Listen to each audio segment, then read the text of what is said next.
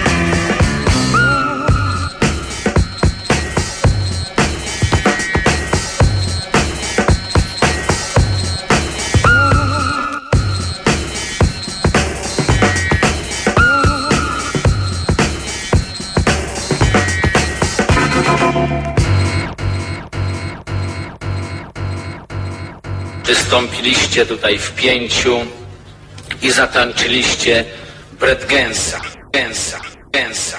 A je, to był miks e, DJ-a Merendy w Radio Campus w cyklu ADJ. Dziękuję bardzo Bartek za miks i za rozmowę telefoniczną. Ja również dziękuję. Trzymaj się tam cieplutko. Mam nadzieję, że przylecisz do nas na jakiś Red Bull BC One, inne zawody lub po prostu wpadniesz i odwiedzisz też mnie w studiu. Wysłuchaliście Radia Campus 97,1 FM, cykl ADJ. Ja jestem Lazy One. Pozdrawiam serdecznie. Słuchaj Radio Campus, gdziekolwiek jesteś. Wejdź na www.radiocampus.fm.